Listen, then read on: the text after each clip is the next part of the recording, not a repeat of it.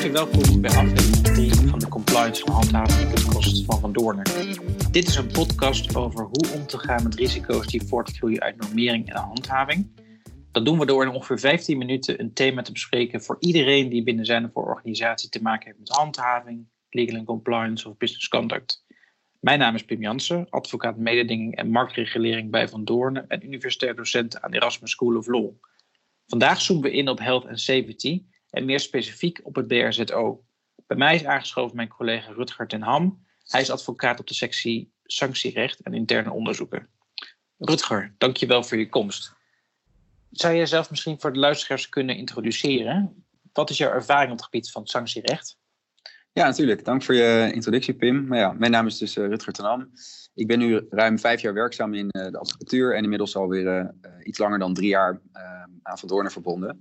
Ik hou me voornamelijk bezig met het bijstaan van cliënten op het gebied van toezicht en handhaving, waaronder ook op het gebied van uh, milieurecht. Onze sectie uh, staat namelijk verschillende middelgrote en grote milieubedrijven bij. En bij die bijstand kun je denken aan advieswerkzaamheden in relatie tot de toezichthouder en ook op het gebied van naleving van uh, wet en regelgeving. En verder procederen wij, en ja, ik, dus zelf ook, ook met enige regelmaat in uiteenlopende bestuurs- en strafzaken voor, voor dat soort cliënten. Ja, en vandaag gaan we het dus hebben over, over het BRZO. Kun jij misschien eerst even toelichten waar staat BRZO eigenlijk voor en voor wie is deze podcast vooral dus van belang? Ja, natuurlijk. Ja. Het, uh, het staat voor het besluit risico's zware ongevallen. En met dat besluit heeft de Nederlandse wetgever de laatste, en ja, de inmiddels alweer derde namelijk, de Europese CVSO-richtlijnen in Nederland ingevoerd. En de doelstelling van die richtlijn, en daarmee dus ook van het, van het Nederlandse uh, besluit BRZO, is het voorkomen en beheersen van zware ongevallen waarbij gevaarlijke stoffen betrokken zijn. Het BRZO stelt daartoe uh, verregaande veiligheidseisen aan, ja, wat ook wel dus worden genoemd de, meest risicovolle bedrijven in Nederland. En die moeten daaraan ook uh, aantoonbaar voldoen aan die vereisten. En daarbij wordt onderscheid gemaakt tussen hoge drempel en lage drempel inrichtingen. En die kwalificatie die is afhankelijk van de hoeveelheid van de gevaarlijke stoffen of stoffen die aanwezig zijn binnen de betreffende inrichting. En uiteindelijk is het BRZO eigenlijk een combinatie die, van, van, van wetgeving die, die gericht is op arbeidsveiligheid, het milieu en ook op rampenbestrijding. Daarnaast regelt het besluit ook de wijze waarop de verschillende toezichthouders op de naleving daarvan moeten toezien. En voor de overtredingen van BRZO-bepalingen kunnen uh, onder andere hoge boetes worden opgelegd. En um, in worst case scenario kan ook strafrechtelijke vervolging worden ingesteld door het uh, Openbaar Ministerie. Um, en daarmee is deze podcast uh, dus met name van belang voor bedrijven die als een BRZO-inrichting zijn aangemerkt, maar natuurlijk ook voor degenen die uh, daar werkzaam zijn. En van deze bedrijven is een, um, een lijst openbaar raadpleegbaar. Dit zijn er in Nederland op dit moment ongeveer 400. En afhankelijk van de hoeveelheid aanwezige stoffen in de inrichting worden die bedrijven jaarlijks eenmaal of eens per drie jaar sowieso gecontroleerd je had het op het laatst over, over die inspecties, die controlemogelijkheden. Ik, ik neem aan dat dat nu met de hele coronacrisis anders verloopt dan normaal. Wat is eigenlijk de impact van de coronacrisis uh, voor de inspecties van BRZO-bedrijven? Ja, ja, die is er natuurlijk uh, zeker ook. Uh, en, um, op de website van, van Plus, dat is het, eh, het samenwerkingsverband van de toezichthouders die, die dat toezicht houden. Daar staat dat vanwege de uitbraak van het coronavirus aanvankelijk eigenlijk geen reguliere BRZO-inspecties werden uitgevoerd. Dus de afgelopen maanden werd een toezicht in principe gehouden door contact op afstand. En kort geleden heeft BRZO Plus aangegeven dat inmiddels sprake is van een overgangsfase. Omdat de coronamaatregelen natuurlijk uh, landelijk zijn versoepeld. En om die reden heeft het, management van BRZO Plus ingestemd met het gecontroleerd hervatten van fysieke inspecties. Dit betekent dat vanaf, vanaf eind mei weer fysieke inspecties kunnen worden ingepland door de regionale teams van toezichthouders. Dus BRZO-bedrijven kunnen er rekening mee houden dat, dat die BRZO-inspecties binnenkort um, weer op gang komen. En daarbij, en dat is nog wel interessant, wordt door BRZO Plus opgemerkt dat het uitgangspunt is dat het, het grootste gedeelte van inspecties uh, nog steeds op afstand plaatsvindt. En onderdelen hiervan, zoals het vooroverleg, het, het, opvragen en beoordelen van stukken, eventuele interviews en het bijvoorbeeld uiteindelijk bespreken van bepaalde onderwerpen, Um, dat gebeurt uh, in principe via de telefoon uh, of, of, per video.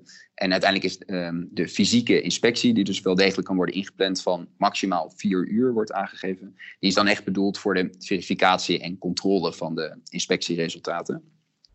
En ehm, ja, wij merken dat, dat toezicht op afstand, dat merken wij ook in onze praktijk, dat dat echt wordt, wordt toegepast. Uh, toezichthouders die, um, uh, ja, die vragen voorafgaand aan hun bezoek ook echt bepaalde aandachtspunten, bijvoorbeeld vanwege eerdere of uh, uitgestelde inspecties. Um, ja, die, die, die vragen ze op en dan vragen ze informatie over op. En een voordeel van dat toezicht op afstand volgens ons is dat de BRZO-inrichting daarbij soms dus ook meer gelegenheid heeft om uh, daarop te reageren. En hier, ja, als, dat, als dat nodig is, eerst nog even intern of ook extern over te overleggen. Ja, dat kan ik me goed voorstellen. Zeg, hiervoor noem je ook dat bepaalde bedrijven jaarlijks moeten worden geïnspecteerd. Uh, heb ik dat goed onthouden? Kun je daar nog iets meer over vertellen? Ja, ja, dat klopt, Pim. Ja, die, um, die jaarlijkse inspecties die, uh, die zijn vanwege het BRZO, uh, ook echt vanwege het besluit verplicht bij, bij hoge drempelinrichtingen. Uh, en met het weer op gang komen van de inspecties zal dit dus weer als, als uitgangspunt uh, worden genomen. En zeker ook omdat uh, de inspectie IZW, dat, dat is één van de BRZO-toezichthouders, eerder dit jaar heeft aangekondigd om er met een aantal gespecialiseerde inspecteurs voor te zorgen dat alle BRZO-bedrijven in 2020 op een bezoek van IZW kunnen rekenen. Dus ook om die reden zal het streven nog steeds zeker zijn dit jaar overal fysiek langs te gaan. En overigens heeft BRZO Plus eerder al aangekondigd dat op dit moment naast in spoedeisende situaties, waarbij je natuurlijk kunt denken aan als er zich een incident voordoet binnen een inrichting, er ook bij bedrijven die zich in het verleden, ja, dat wordt dan omschreven als slecht aan de regels hebben gehouden, dat er bij die bedrijven ook uh, onaangekondigd een bezoek uh, kan plaatsvinden.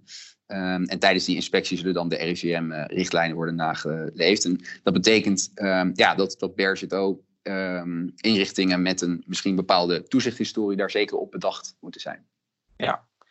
Is jou bekend of, of bij die BRZO-inspecties waar je het over hebt, of er dit jaar bepaalde onderwerpen centraal zullen staan? Ja, ja daar is uh, meer informatie over, uh, over bekend. Uh, die inspectie die heeft aangekondigd in ieder geval te zullen controleren op, op drie thema's. dat is allereerst het, het gebruik van mobiele arbeidsmiddelen in gevarenzones. Uh, ten tweede het veilig uitvoeren van uh, niet routinematige werkzaamheden. Daar kun je ook gewoon denken aan uh, bijvoorbeeld het onderhoud behouden. En ten derde of het bedrijf, door het bedrijf gehanteerde veiligheidsbeheerssysteem, afgekort ook wel het VBS, of dat nog actueel is. en bij dat VBS daar kun je echt alle denken aan alle verschillende elementen die daarin aan bod moeten komen volgens de CVSO-richtlijnen. En dat merken wij ook echt um, ja, in ons contact met, met, met onze cliënten. Um, en daarnaast gaat de inspectie, um, uh, de ISZW, het toezicht op uh, blootstelling aan gevaarlijke stoffen intensiveren. En daarmee wil um, ISZW verzekeren dat bedrijven naast uh, eigenlijk procesveiligheidsrisico's ook de blootstelling aan dat soort stoffen beter beheersen. En tot slot zal ISZW ook de, de RIE, de risico-inventarisatie en evaluatie, onder de loep nemen bij de inspecties. Dus dat zijn de, de thema's die, die bij, bij bezoeken nou, verwacht kunnen worden aan, uh, uh, aan controle te worden onderworpen. Ja. Toen wij uh, het, het, maken van deze podcastaflevering vooraf bespraken, vertelde je me dat er, dat er vrij recent op, op ergens in juli 2019 een heel interessante uitspraak van de, van de afdeling bestuursrechtspraak van de Raad van State is uitgekomen. Um, dat ging over, als ik het goed heb, de eisen die kunnen worden gesteld aan BRZ-bedrijven tijdens, maar ook in, na, na aanleiding van inspecties. Um, over welke uitspraak ging het?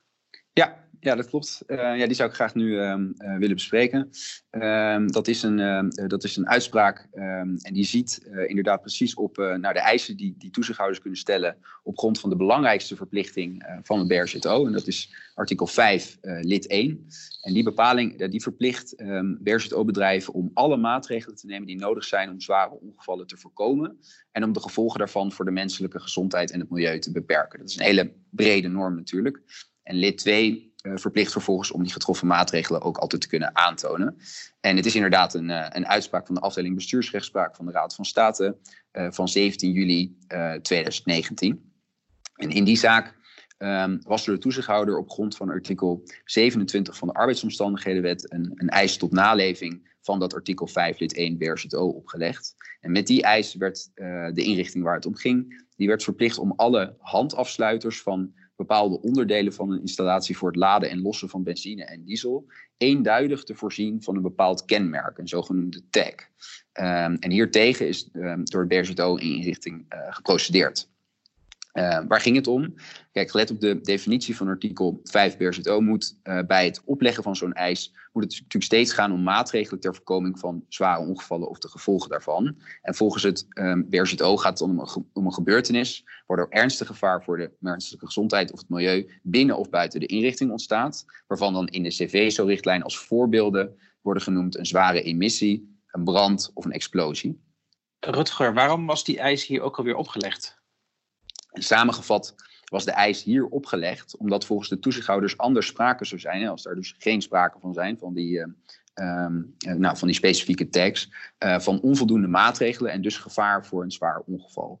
En de reden hiervoor was het, het mogelijk ongecontroleerd uitstromen van benzine of diesel. En met de toezichthouder heeft ook de, de rechtbank gemeend dat daarmee dus inderdaad sprake was van uh, ernstig gevaar voor de menselijke gezondheid. En dat dus die eis op grond van artikel 5 lid 1 van het BRZO kon worden opgelegd. Nou, hiertegen heeft de BRZO-inrichting met succes hoger beroep ingesteld. Um, uiteindelijk heeft de hoogste, bestuursrechter namelijk geoordeeld dat het feit dat ergens in de inrichting, hoewel onbedoeld, uh, benzine of diesel uit een leiding stroomt, dat dat nog geen zwaar ongeval uh, in de zin van het BRZO is. Hè? Want dat er benzine of diesel uit een leiding stroomt, betekent niet per definitie dat er zo'n ernstig uh, gevaar bestaat. Zeker niet ook in het licht nou, van de voorbeelden uit de CVSO-richtlijn die ik hiervoor aanhaalde. Um, en wat volgt uit deze uitspraak is, is dat of sprake is van zulk gevaar, dat dat um, in het licht van de maatregelen die de inrichting voor dat soort situaties heeft getroffen, moet worden beoordeeld. En vervolgens, en dat is heel belangrijk, oordeelde de hoogste bestuursrechter ook dat in het BRZO niet is bepaald op welke manier moet worden voldaan aan de verplichting om die maatregelen te nemen ter voorkoming uh, van zware ongevallen of de gevolgen daarvan. En dus is het vertrekpunt dat het aan de inrichting zelf is om te bepalen welke maatregelen hij treft.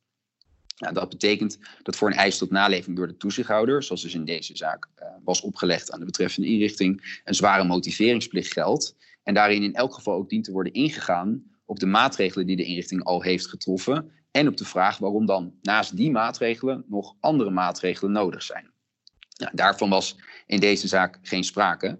Um, de hoogste bestuursrechter overwoog in dit verband dat hoewel het onderscheid tussen veiligheidskritische en niet-veiligheidskritische apparatuur, uh, dat dat niet in het BRZO voorkomt, dat dat niet betekent dat een BRZO-inrichting uh, dat onderscheid niet uh, kan maken. En vervolgens werd ook geoordeeld ehm, dat de toezichthouders in dit eh, geval onvoldoende hadden gemotiveerd dat het gebruik van de verkeerde afsluiter of verkeerd gebruik van een afsluiter in algemene zin, um, dat dat kan leiden tot een zwaar ongeval, terwijl de BRZO-inrichting juist had gemotiveerd om welke uh, redenen bij het onbedoeld wegstromen van benzine vanwege andere reeds getroffen maatregelen uh, geen groot zwaar ongeval kon ontstaan.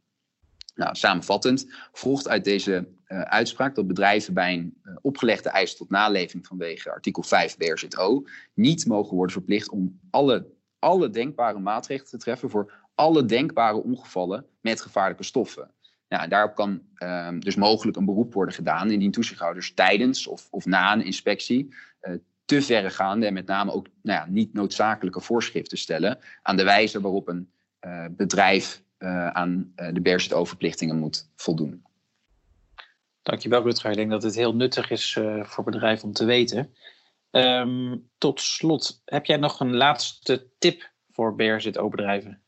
Ja, ik denk, uh, ja, gelet op wat we hebben besproken, met name dan vanwege het, het op gang komen weer van de ook fysieke inspecties, uh, doen bedrijven er allereerst goed aan om in ieder geval de hiervoor genoemde thema's nog eens actief uh, na te lopen.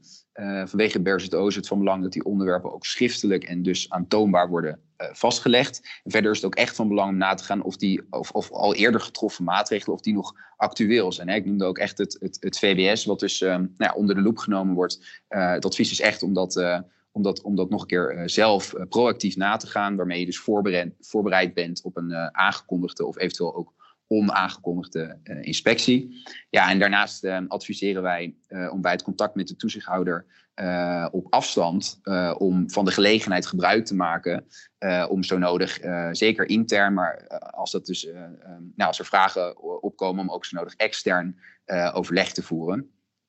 kijk, de eisen die aan BRZO-inrichting um, kunnen worden gesteld, die reiken heel ver, hè, daar hebben we het over gehad, maar die zijn dus niet onbegrensd. En in sommige gevallen kan, ja, kan, het, kan het goed daar naar kijken, kan echt een verschil maken voor de gevolgen voor een BRZO in richting na een inspectie. dat blijkt ook wel uit de, uit de uitspraak die we net hebben behandeld. Dank hiervoor, Rutger. Ook dank voor je toelichting. Uh, graag wil ik ook onze luisteraars bedanken. Dit was aflevering 3 van de Compliance en Handhaving podcast van Van Doornen. En graag tot de volgende keer. Uh, dan spreken we over compliance en privacy. Música